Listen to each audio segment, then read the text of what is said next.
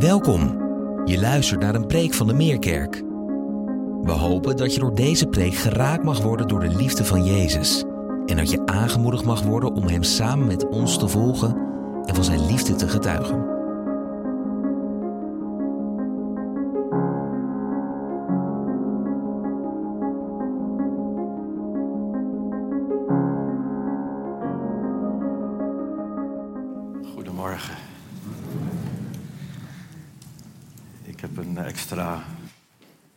Taak vanmorgen om ons bij de les te houden. Na een uur minder slaap. Maar wat geweldig dat jullie vanmorgen zijn opgestaan en hier in grote getalen zijn. Wel, wat een prachtig gebed, want dat was het lied dat we zongen. Spreek, o Heer, en voltooi in ons wat uw hand begon tot uw heerlijkheid. Straks in de preek zullen we het woord heerlijkheid en verheerlijken ook terugzien komen. Hou dat woord even vast. Nu, net als afgelopen zondag, willen we ook vandaag toeleven naar Goede Vrijdag en Pasen. In de kerkelijke kalender wordt deze periode van toeleven de lijdenstijd genoemd.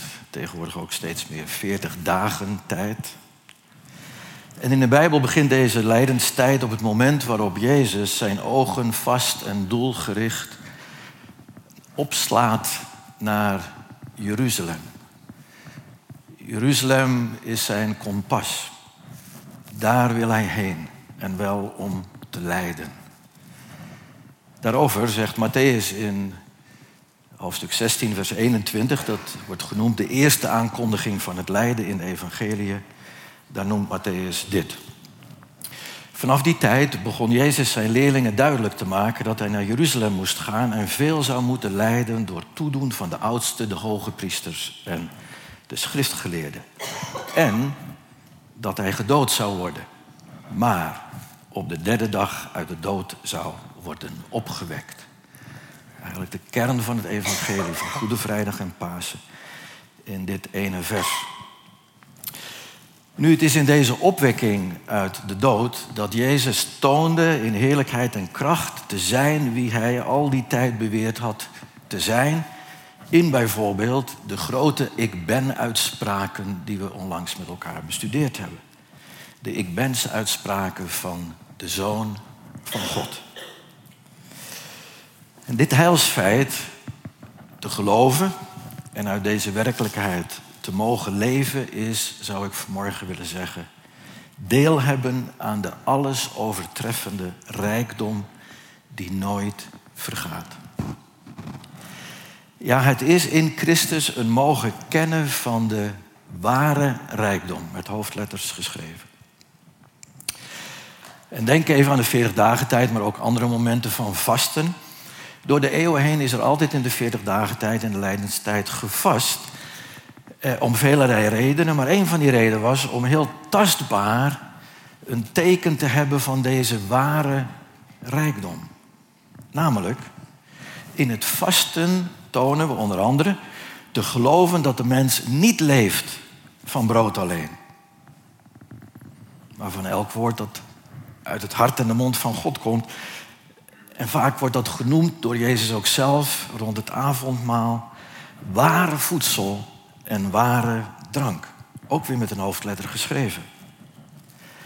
Daarmee zeggen we door dat vasten dat niet in het stoffelijke, in onze materie, en dat wat we fysiek eten, maar in Jezus Christus, onze gekruisigde heiland en opgestane Heer, daarin ligt ons leven, ons bestaan. Uit Hem, door Hem en tot Hem, zegt Paulus. En daar staan we extra bij stil in deze tijd voor Goede Vrijdag en Pasen. En dat willen we doen vanmorgen door Petrus op te slaan. Hij heeft twee brieven geschreven en vanmorgen willen we deze geloofsrijkdom noemen met de woorden van Petrus in zijn eerste brief. En hij noemt deze geloofsrijkdom zoveel kostbaarder dan vergankelijk goud. Zoveel kostbaarder dan vergankelijk goud. Zullen we de Bijbel opslaan? bij 1 Petrus 1, vers 3 en 12. En ik wil vragen of Johan de Bijbellezing voor ons wil doen en ze leest voor ons uit de NBV 21 vertaling.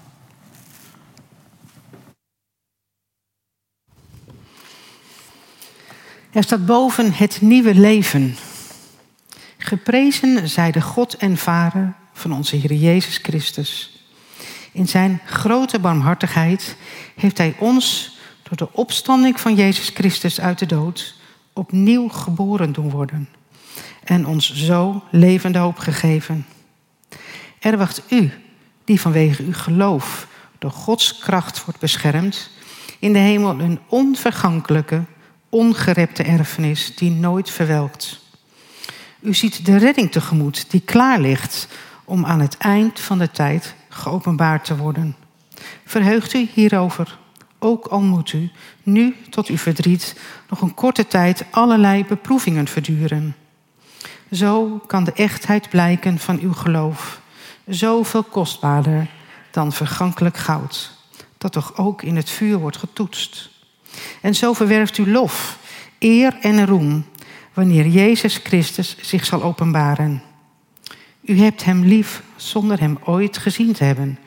En zonder Hem nu te zien gelooft u in Hem en ervaart u een onuitsprekelijke hemelse vreugde, omdat u het einddoel van uw geloof bereikt, uw redding.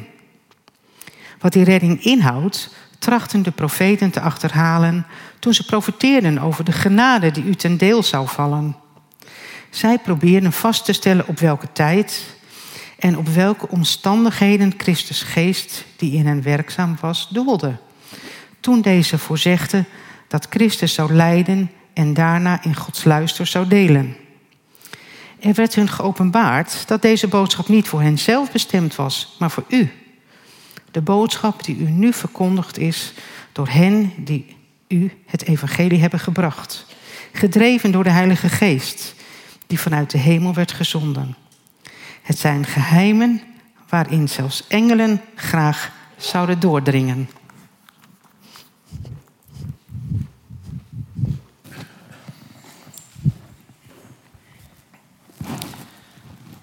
Wel, de titel van de preek vanmorgen, dankjewel Johan. De titel van de preek vanmorgen komt uit het vers wat we gelezen hebben, vers 7. En ik noem die nog even, want daar willen we bijzonder vanmorgen naar kijken. Zo kan de echtheid blijken van uw geloof, zoveel kostbaarder dan vergankelijk goud, dat toch ook in het vuur wordt getoetst. En zo verwerft u lof, eer en roem wanneer Jezus Christus zich zal openbaren. Tot zover. Goed te noemen dat dit Bijbelwoord ook mooi aansluit op onze recente preekserie over de zeven gemeenten van Openbaring. Ook hier spreekt, zagen we net, Petrus over de dag die komt wanneer Jezus Christus zich zal openbaren. In onze recente preekserie zagen we dat Jezus de gemeenten gouden kandelaren noemt. Voor Jezus is de gemeente goud, zeiden we in onze serie. En aan het slot van die preekserie vroeg ik: Is de gemeente ook goud voor jou, voor mij, ja, voor ons allen tezamen? En als je over die vraag nadenkt, hoort daar eigenlijk een onderliggende vraag bij, namelijk deze vraag over of de gemeente goud voor je is, kan eigenlijk pas met ja beantwoord worden als eerst het geloof dat we als gemeente beleiden goud voor ons is. En vanmorgen zegt Petrus, ja, geen goud, maar zoveel kostbaarder dan goud. Want zelfs goud is vergankelijk. Nu, hoe weet je nu dat dit waar is? Hoe weet je dat je geloof kostbaarder is dan vergankelijk goud? Is daar een app voor waar je een vragenlijst op kan invullen en waar dan een score uitrolt en dat je die score op je huiskring met elkaar kan vergelijken en daar heel goed boeit en, en geanimeerd over kan spreken? Nee, zegt Petrus. Nee, die app is er niet. Je hebt het echte leven nodig. Het echte leven waar je op vele wijzen beproevingen moet doorstaan. En in die beproevingen ligt de toets, de test, waaruit blijkt hoe echt en daarmee hoe kostbaar je geloof is. Hoe zuiver zou je ook kunnen zeggen in het beeld van goud. Want dit is het voorbeeld wat Petrus gebruikt. Hoe kun je goud op zijn echtheid of haar echtheid toetsen, testen? Dat doe je door het goud in de vuuroven te smelten en daarmee alles wat niet goud is uit te zuiveren. Zodat puur echt goud overblijft. En dan zegt Petrus, zo moeten jullie tot je verdriet nog een korte tijd allerlei beproevingen, allerlei tests, allerlei toetsen verduren.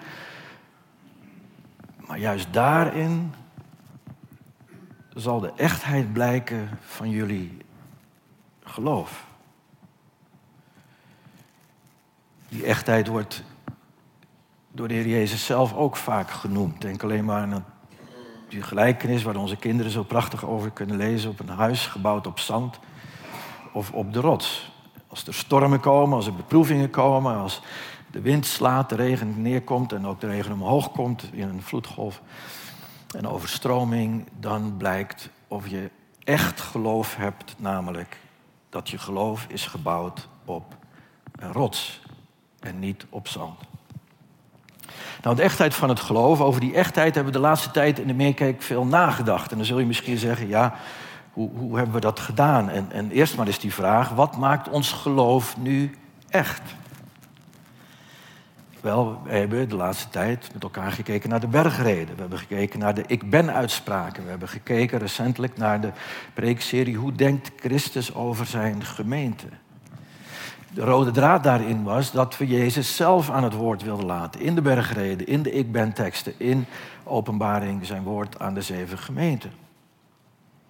En dat deden we om eigenlijk de vaste grond, die rots aan het woord te laten om het echte goud, zo je wil, kostbaarder dan goud. Petrus zegt het, we zijn betaald door het kostbare bloed van Jezus Christus. Wij wilden de essentie Jezus zelf aan het woord laten. Want als we echtheid zoeken, moeten we dat bij Hem zoeken en vinden. Daarom zoveel nadruk in de meer. Kijk, onze ogen en oren te richten op Jezus en Jezus alleen. Hij is de bron, Hij is de rots. En op die vaste rots willen we bouwen. Want als er ergens echt geloof te vinden is, is het in Hem, niet in ons. Hij is de vaste grond.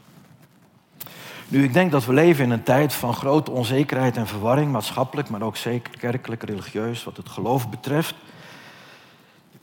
En de vraag is elke keer, waar draait het nu echt om in ons leven? En vooral als gelovigen, waar draait het nu echt om in ons geloofsleven? We zoeken naar ankers, geloofsankers. We zoeken naar, zou je kunnen zeggen, 24 karaats goud dat waardevast is, waarop je kunt vertrouwen, waarop je kunt bouwen. Maar als we om ons heen kijken, en daar hoef je niet veel moeite voor te doen, we worden overspoeld met nieuws van dichtbij, van veraf, in allerlei aarden, toonaarden, in allerlei contexten. En uit alles blijkt hoeveel er verandert. Elke keer weer met alle onzekerheid van dien. Waar je gisteren op kon bouwen, is vandaag alweer zand. Zo lijkt het. Waar denken we die vaste grond onder onze voeten te vinden? Waar dachten we die te vinden? Na corona bijvoorbeeld. Toen brak de oorlog in, Europa uit. En als je ziet wat er allemaal de laatste tijd veranderd is en gebeurd en waar we soms naar strohalmen grijpen om, om maar enig vast te hebben. En wat doet dit aan ons? Maatschappelijk, maar ook als kerk. En corona, nog de oorlog, lijkt ons dichter bij elkaar gebracht te hebben. In plaats van verbondenheid en eenheid kenmerkt onze samenleving zich door polarisatie en vervreemding. Er lijkt geen gemeenschappelijke, gezamenlijke vaste grond te zijn waar we op staan en waar we samen vol vertrouwen eensgezind op kunnen bouwen. De recente verkiezingen hebben laten zien hoe verschillend er gedacht wordt over de zaken die er echt toe doen of zouden moeten doen. En wie het weet mag het zeggen. Vanmorgen zou ik met alle respect voor Pasen willen zeggen: wie opstaat, mag het zeggen.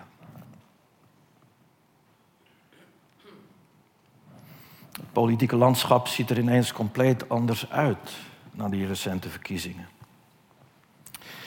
Ik werd getroffen door de reactie van een van de kinderen van Caroline van der Plas, die in grote verbazing het er naar haar moeder uitflapte: Mam, u kunt volgend jaar de premier van Nederland zijn.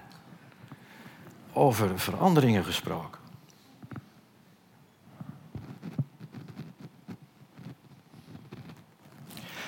Maar wat maatschappelijk waar is, geldt ook op het erf van het geloof. Wat wordt er verschillend gedacht en geacteerd?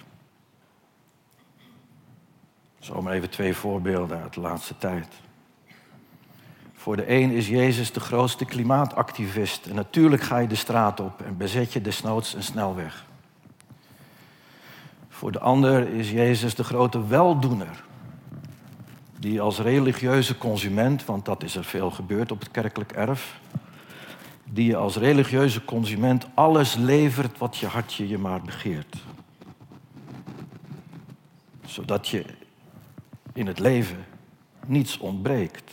Neem het en claim het. Het is aan jou. En ik zou nog veel andere zaken kunnen noemen die, die alleen maar de vraag onderstrepen of christenen anno nu nog wel op hetzelfde geloofsfundament staan. Wel van dat brede kerkelijke erf terug naar ons vanmorgen hier in de Meerkerk.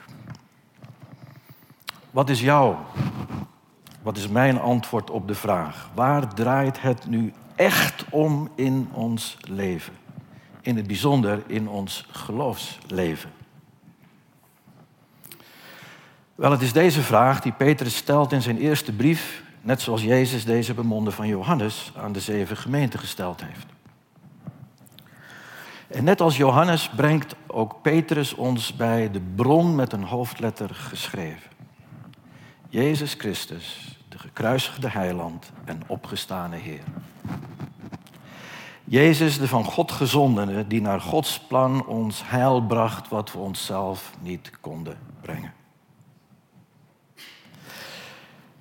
Nu, door te spreken over beproevingen als een toets, een test voor de echtheid van het geloof, brengt Petrus ons midden in de context van wat de gelovigen in die tijd waaraan hij schrijft meemaken. Grote parallel met de zeven gemeenten van Openbaring. Ook zij, de toehoorders van Petrus, en ze worden genoemd in de eerste paar versen, ook zij hebben het ontzettend moeilijk. Hun omgeving is hen niet welgezind. Ze zijn in de heidense Romeinse cultuur het voorwerp van spot en hoon, van smaad en leugen, van uitsluiting en discriminatie alles wat ze eigenlijk als dierbaar en kostbaar zien, wordt door anderen als het ware weggewuifd. Zo niet erger, daar worden ze voor vervolgd. En dan zegt Petrus, dat is de realiteit.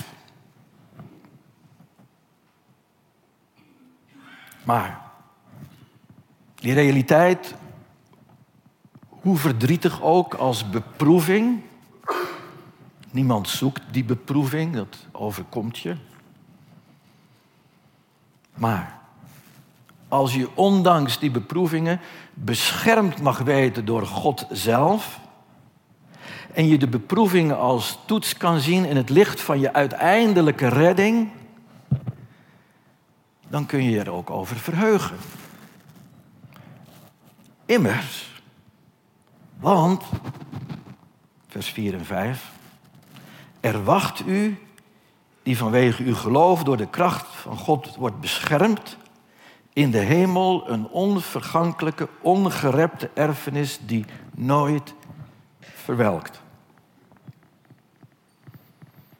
Nou, wij Nederlanders houden van bloemen en is net gedankt voor alles wat weer ontluikt in de tijd van lente, geweldig.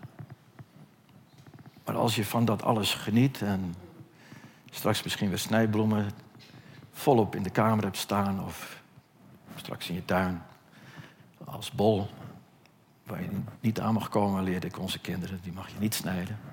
Die moeten wachten tot ze helemaal uitgebloeid zijn. Wij als Nederlanders zouden eigenlijk alles moeten weten over wat kan verwelken. Elke bos bloemen die je uiteindelijk in de groenbak terecht laat komen als verwelkt, die zou ons moeten herinneren aan de preek van vanmorgen. Want er is één ding in ons leven wat niet verwelkt. En daarvan zegt Petrus, dat is die onvergankelijke, weer dat woord, ongerepte erfenis die nooit verwelkt. En daar zegt hij van, omdat die komt, zo zeker als Christus zal terugkomen, u ziet die redding tegemoet. Dus je hebt je ogen gericht op die dag dat die redding gaat komen, die klaar ligt, die is er dus al om aan het einde van de tijd geopenbaard te worden. Daarom vereug u hierover, ook al moet u nu tot uw verdriet nog voor een korte tijd allerlei beproevingen verduren. Maar bedenk, zo kan de echtheid blijken van uw geloof zoveel kostbaarder dan vergankelijk goud, dat toch ook in het vuur wordt getoetst. En zo verwerft u lof, eer en roem wanneer Jezus Christus zal geopenbaard worden. Dat is bijzonder.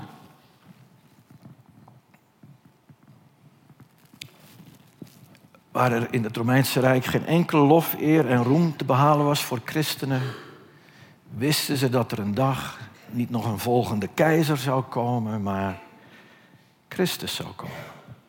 Jezus Christus. En die was degene waarop ze hun hoop en hun hele leven als het ware op gericht hadden. En hij komt. Nu, als we dit zo schetsen, dan denk je, wauw. Hoe kwam Petrus tot dit geloofsanker, deze zekerheid, tot deze vaste hoop, welke hij nu met overtuiging deelt met zijn lezers? Antwoord. Het kwam door zijn volkomen overgave aan Jezus Christus, de gekruisigde heiland en opgestane Heer. Ik blijf het maar zeggen. En dan kan ik me voorstellen dat je denkt, ja, we zitten in een kerk. Natuurlijk, dat is toch logisch. Het is, natuurlijk staat er een kruis. Natuurlijk zingen we over Jezus. Natuurlijk is het Goede Vrijdag straks. En natuurlijk is het Pasen. Dat is toch vanzelfsprekend. Dat daar het antwoord ligt. Maar weet je, het moment dat je dat zegt, is het al niet meer vanzelfsprekend. Het moment dat we niet meer verwonderd zijn over het wonder van een gekruisigde Heer, eerst als heiland gekomen, als mens, maar opgestaan als Heer in de kracht van God bewezen te hebben, de Zoon van God. En misschien is dat wel deel van ons probleem. En dat is ook al 38,5 jaar het kompas wat we steeds weer moeten voorhouden in de meerkerk. Jezus en Jezus alleen. Als het moment komt, ja, dat verhaal over Jezus gekruisigd en opgestaan, dat ken ik nu wel. Wel, op dat moment heb je een afslag genomen die alleen maar verder zal leiden van Jezus. En niet dichter naar hem toe. Wat je ook allemaal denkt te ondernemen op het christelijk erf. En wat je ook allemaal denkt tot je te nemen als voedsel op dat kerkelijk erf. Want zo voor de hand liggend was het helemaal niet wat Petrus zegt en schrijft en nu doorgeeft. En als we eerlijk zijn, is dat ook niet alleen voor hem zo, maar ook voor ons. In ons eigen leven ligt het helemaal niet voor de hand dat we dit getuigenis hebben, vasthouden en ons daarop richten de rest van ons leven. En om dat te begrijpen moeten we terug naar de eerste aankondiging van Jezus lijden. En daarom is deze lijdenstijd, deze 40 dagen tijd, ook zo belangrijk en dat we daar vanmorgen de tijd voor nemen. We lazen bij onze inleiding vanmorgen uit Matthäus 16 over het moment waarop Jezus zijn discipelen aankondigde dat hij naar Jeruzalem zou gaan om daar veel te lijden en te sterven. Maar Petrus stond er met zijn neus bovenop toen Jezus dat zei. Maar dat scenario en die woorden van Jezus, daar was Petrus het helemaal niet mee eens. En hij kon zijn mond niet houden. Dat Zo kennen we Petrus ook. Haantje de voorste. Praat voordat hij denkt. Want Jezus had amper de aankondiging gedaan van zijn lijden. Of Petrus neemt Jezus terzijde en vermaant hem dat dit niet kan en mag gebeuren. En hij denkt meteen God aan zijn zijde te hebben, want hij zegt: God verhoede dit. Dit zal niet gebeuren. Zo stellig, zo heilig overtuigd, pakte hij Jezus en nam hem even apart. Luister, Jezus. Maar dan gebeurt er dit. Vers 23, Matthäus 16. Maar Jezus keerde zich om en keerde hem, Petrus, de rug toe. Met de woorden, ga terug, Satan, achter mij. Je bent een valstrik voor me. Je denkt niet aan wat God wil, maar alleen aan wat mensen willen. Toen zei Jezus tegen zijn leerlingen: Wie achter mij aan wil komen, moet zichzelf verloochenen, zijn kruis op zich nemen en mij volgen. Want ieder die zijn leven wil behouden, zal het verliezen. Maar wie zijn leven verliest omwille van mij, die zal het behouden. Wat heeft een mens eraan de hele wereld te winnen als het ten koste gaat van zijn eigen leven, zijn eigen ziel, staat er in de oude vertaling. En wat kan hij, wat kan een mens geven in ruil voor zijn leven? Nu, in deze woorden ligt een belangrijke sleutel tot het verstaan van wat Petrus schrijft in zijn eerste brief. De echtheid van je geloof begint met het onderkennen dat we als mens geneigd zijn bedacht te zijn op de dingen van mensen en niet op die van God. We willen ons leven naar eigen inzicht, door eigen wijsheid en eigen toedien behouden. Maar juist daarmee zullen we het verliezen. Geloof in Jezus Christus begint met overgave. We hebben net de doopdienst gehad. Met jezelf verloochenen, je kruis op je nemen en Hem volgen. Want wie zijn leven verliest omwille van mij, zegt Jezus, die zal het behouden. Maar die les valt Petrus zwaar en valt alle gelovigen zwaar toen, door de eeuwen heen en ook vandaag. Die valt ook ons zwaar. En nu kun je naar allerlei seminars gaan en allerlei studies doen, maar Petrus zegt en zijn leven toont dat die les om de dingen te bedenken van God en niet van de mensen, niet in één dag geleerd zijn. Dat zie je direct al bij de eerste aankondiging van het lijden in Matthäus 16. Want dan zou je denken, nou, als Petrus dacht Jezus te vermanen en Jezus vermaant hem en vertelt wat een enorme fout hij maakt door zich te beroepen op wat mensen denken en niet op wat God denkt. Dan zou je zeggen, nou, nu is Petrus op zijn plek gezet. Nu heeft hij zijn les geleerd. Maar nee. Als je Petrus volgt in de hoofdstukken die daarna komen in de evangelie, dan zie je dat hij elke keer weer terugvalt in dat oude patroon om te denken wat naar de mens is. We hebben het net genoemd, de Goede Week. Kijk wat er in de Goede Week gebeurde. Maanden, maanden later, na Matthäus 16. Bijvoorbeeld in de hof van Gethsemane, waar hij impulsief zijn zwaard trekt om Jezus, maar denk ik ook wel zichzelf te verdedigen. En met één mep het oor van ene Malchus afhakt.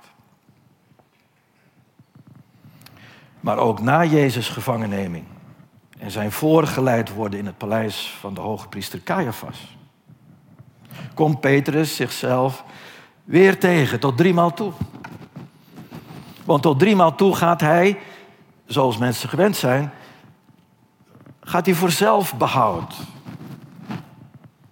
Ten koste van Jezus, ja, in plaats van zelfverloochening, verloochent hij tot driemaal toe Jezus in het heetst van de strijd.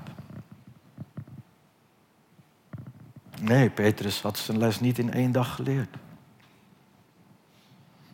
Pas na de opstanding, en ik weet niet, dat is even een detail voor degene die dat kunnen waarderen. We hebben natuurlijk de uh, uitstorting van de Heilige Geest in Handelingen 2, maar ook aan het eind, na de opstanding, is het het moment dat Jezus zijn discipelen opzoekt. En Johannes verhaalt daarover dat hij over hen blaast en hen de Heilige Geest geeft. En misschien is dat het moment geweest dat er iets gebeurde in het leven van Petrus. Want pas na de opstanding zien we Petrus met een nieuw ontvankelijk hart. Dat bereikt, of bereid is en lijkt, moeten we misschien nog heel voorzichtig zeggen, zich gewillig over te geven aan Jezus. Het is die dag aan het meer van Galilea waar de opgestane Heer Jezus hem tot drie keer toe in ere herstelt. Dat had dus alles te maken met zijn drie keer verlogen. En nu werd hij tot, tot drie keer toe in ere hersteld. Het is de dag dat Petrus de opdracht krijgt Jezus schapen en lammeren te hoeden en te wijden en zo de herder te worden van Jezus kudde. De grote apostel. De onderherder, zoals hij zichzelf noemt. Onder Jezus de opperherder. Maar met die opdracht komt ook een voorzegging hoe Petrus' leven daarna zal verlopen. En in die voorzegging ligt een volgende sleutel tot het verstaan van ons Bijbelgedeelte vanmorgen. Want als Jezus voor de derde keer zijn opdracht aan Petrus geeft, die loopt parallel met het herstel van Petrus. Wanneer hij dan voor de derde en laatste keer zegt, wij dan mijn schapen, zegt Jezus tegen hem. Vers 18 van Johannes 21. Ik verzeker je, toen je jong was, schortte je jezelf je kleding op en ging je je eigen weg. Maar als je oud bent, zul je je handen uitstrekken en een ander zal je kleding opschorten en je brengen waar je niet heen wilt. En met deze woorden gaf Jezus aan door welke dood Petrus God zou verheerlijken. En toen zei Jezus tegen Petrus, volg mij. Nou, ik noemde al, hou dat woord verheerlijking en verheerlijken even vast. En dat is voor dit moment. Het moment van Johannes 21. Petrus moest ontdekken dat het niet om hem ging en om zijn eigen doen en laten vanuit een bedacht zijn op de dingen der mensen. Nee, nu zou hij voortaan gaan om bedacht te zijn op de dingen van God hij zou niet meer zelf aan het stuur zitten van zijn leven, maar een ander zou dat stuur overnemen en hem leiden op plekken en omstandigheden die hij zelf nooit gekozen zou hebben. Hij moest leren dat zijn leven nu in dienst staat van God en zijn eer, zijn verheerlijking. Het hoogste doel is nu God verheerlijken. En zijn heilsplan te dienen. Jezus te volgen. Hem niet voor de voeten te lopen. En die navolging is dan vooral zien, je ogen gericht op Jezus. De Hebreeën schrijver noemt het ook, laat uw oog gericht zijn op Jezus en begint dan weer te vertellen over het lijden en sterven en het volhouden en het volharden tot het einde dat is nu precies wat we kunnen leren in deze, levens, in deze lijdenstijd. Waar Jezus zijn ogen gericht heeft gehouden op Jeruzalem tot het einde, mag ook Petrus dat nu doen. En we weten dat na de verloochening in de hof van Gethsemane, of in de, hof, eh, de binnenhof van het eh, paleis van Caiaphas, er ook dat moment in Gethsemane was waar Jezus zich volkomen overgaf aan de Vader en bad niet mijn wil, maar uw wil. Dat is uiteindelijk wat Petrus moest leren. Niet mijn agenda, maar Jezus' agenda. Niet mijn bedacht zijn op de dingen der mensen, maar bedacht zijn op de dingen van God, die Jezus in zijn lijden, sterven en opstanding ten volle volbracht en vervuld heeft. Niet mijn wil, maar zijn wil. Nu, als Petrus schrijft dat wij die vanwege ons geloof door Gods kracht worden beschermd, mogen uitzien naar een onvergankelijke, ongerepte erfenis in de hemel die nooit verwelkt. Als hij schrijft over hoe we de redding tegemoet mogen zien die klaar ligt om aan het einde van de tijd geopenbaard te worden. Als hij ons oproept om ons hierover te verheugen, ook al moeten we nu tot verdriet nog een korte tijd allerlei beproevingen verduren. En als hij schrijft dat zo de echtheid kan blijken van ons geloof, zoveel kostbaarder dan vergankelijk goud, dat toch ook in het vuur wordt getoetst. En als hij tenslotte belooft dat wij al zo lof, eer en roem mogen verwerven wanneer Jezus Christus zich zal openbaren, dan is het tegen deze achtergrond en deze geleerde les in de levensloop van Petrus als volgeling van Jezus dat hij het nu vol van de Heilige Geest mag doorgeven aan de volgende generatie in de brief die hij schrijft. Dat is wat hij wilde doorgeven. Dat hij door de Heilige Geest bevonden heeft dat het waar is. In sommige kerkelijke tradities wordt over bevindelijkheid gesproken. Nou, dit is een bevonden, een bevindelijkheid van echt, zuiver, kostbaarder dan vergankelijk goud. Dat is de nalatenschap van Petrus. En hoe goed om daar in deze lijdenstijd bij stil te staan. Nu, wat mag dit alles voor ons betekenen, wij gelovigen anno 2023? Nou, het is veel.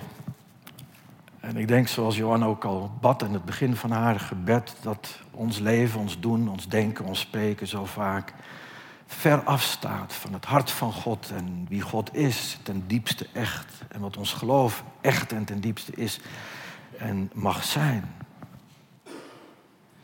Dat je zegt, wiggelen.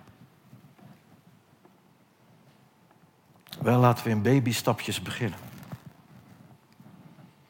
Laten we eerst eens beginnen bij ons verlangen. Waar verlangen we naar in ons leven? En als de boodschap van vanmorgen iets met je doet, is dat misschien wel hoe klein ook.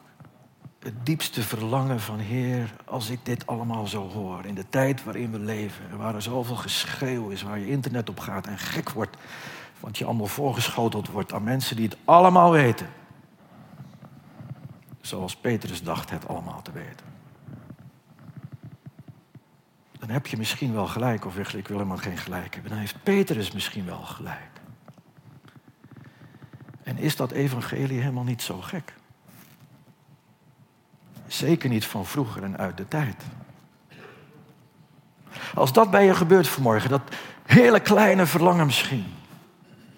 Zullen we dan bidden in deze lijdenstijd, in deze 40 dagen tijd, dat dat verlangen gaat groeien?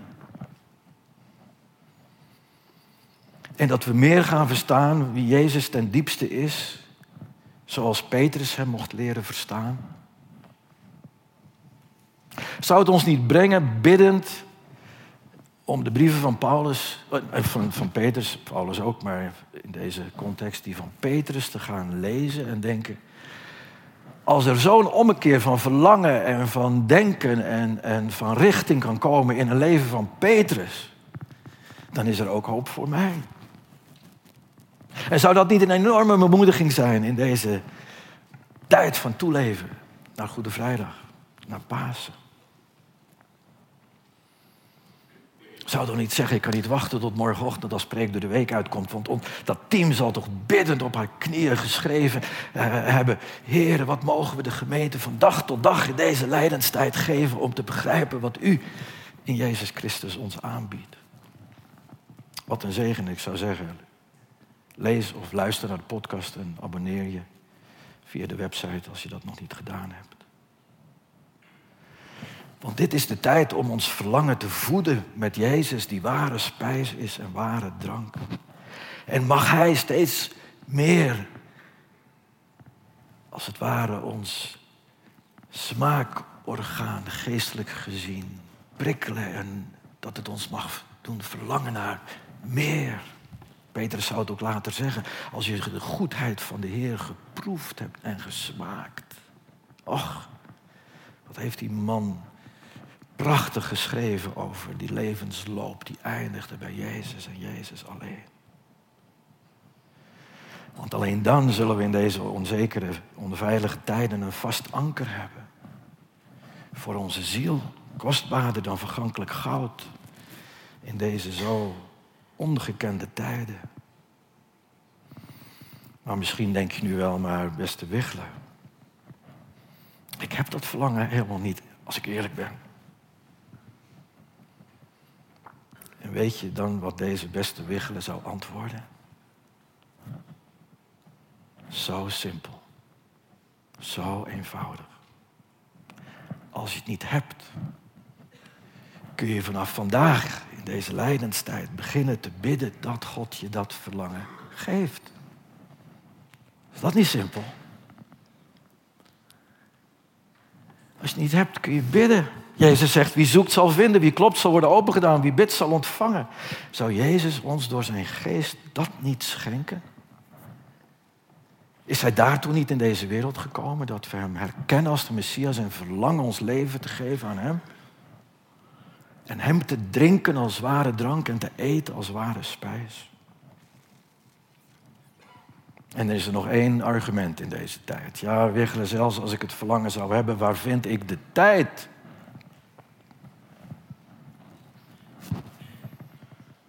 Zeggen we niet wat het zwaarst is, mag ook het zwaarst wegen.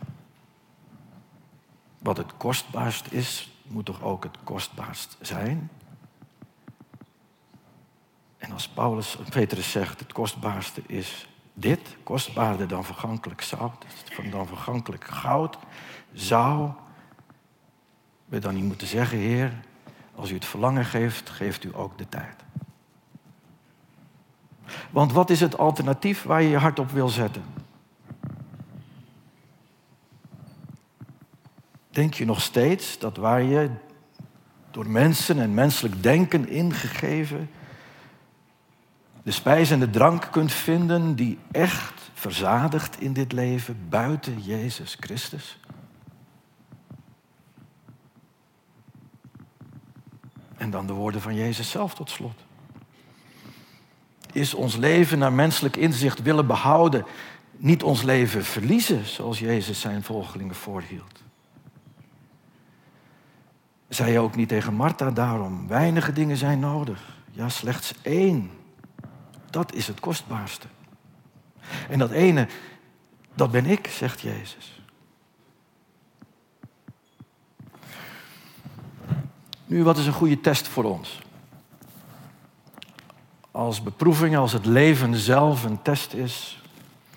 Wat is een goede test, tenslotte, waarmee je misschien zou kunnen aangeven wat voor jou het kostbaarste en belangrijkste is? Ik vertelde onlangs over een spontane, korte ontmoeting hier in de kerk. Eén zoals we die allemaal wel kennen, ook straks weer bij de koffie en de thee. En bij zulke ontmoetingen vraag je uit betrokkenheid bij je medebroeder, medezuster. Hoe is het met je? Hoe is het met je? En zo ook ik stelde deze zuster die vraag. Hoe is het met je? En zij antwoordde, het belangrijkste is goed. Het belangrijkste is goed. En dat raakte me diep. Want in dat ene antwoord spreekt boekdelen. En vanmorgen zou ik zeggen de boekdeler van Petrus.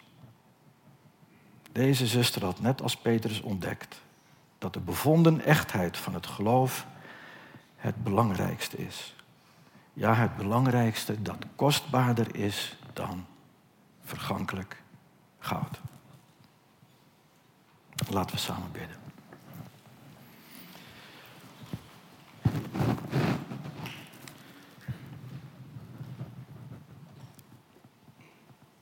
Heer, het is goed met onze ziel. It is well with our soul. En we danken u dat u bezig bent het gebed te verhoren uit het lied dat we zongen voor de preek. En voltooi in ons wat uw hand begon tot uw heerlijkheid. Mag deze zondag in de lijdenstijd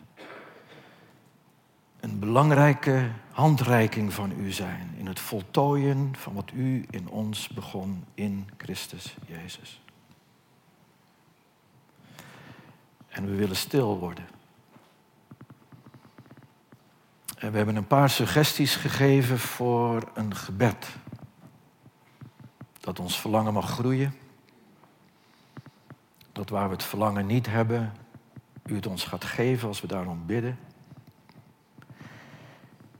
En als we ingefluisterd krijgen dat we geen tijd hebben, dat we bereid zijn te zeggen, heren, als u het verlangen geeft, zult u ook de tijd geven. Want nooit geeft u een opdracht als u ook niet de kracht en de genade geeft om aan die opdracht te voldoen. Ook dat hebben we gezien in het leven van Petrus en hoe hij uiteindelijk zijn leven gaf om u te verheerlijken. Dat was nog niet in zijn gedachten in Matthäus 16. Ook niet in de hof van Gethsemane. Ook nog niet toen u voorgeleid werd bij Caiaphas. Wat is er een tijd overheen gegaan, maar het kwam, voorzeker. En zo mag het ook komen, voorzeker, bij een ieder van ons. Mogen daartoe nu in de stilte van ons hart bidden wat u ons ingeeft om naar uw hart, ons hart, uit te spreken voor u. In deze momenten van stil gebed.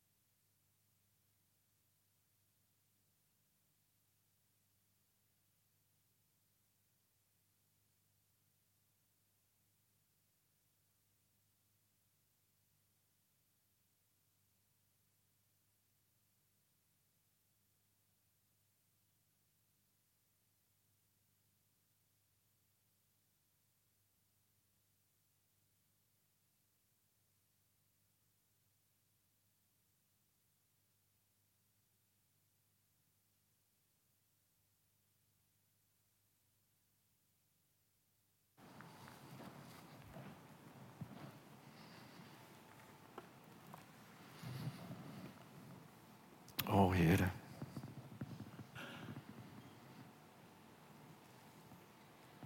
Zitten we als een Petrus, als een Petra. En we willen naar dat moment gaan waar u aan de oevers van het meer van Galilea Petrus zo liefdevol toesprak. Petrus, hou je van me. Zijn hart werd geraakt en op dat moment trok u hem liefdevol dicht aan uw hart. En de rest is geschiedenis. We bidden dat u dat ook bij ons doet. Nu. Zo in het lied wat we zingen. Dat begint met die woorden. Liefdevol trekt u mij dicht aan uw hart. O Heere, doe het. Op dit bijzondere moment, op deze zondag in de lijdenstijd. Trek ons met uw doorboorde handen dicht aan uw hart. Dat bidden we uit genade in uw naam, de naam van Jezus en Jezus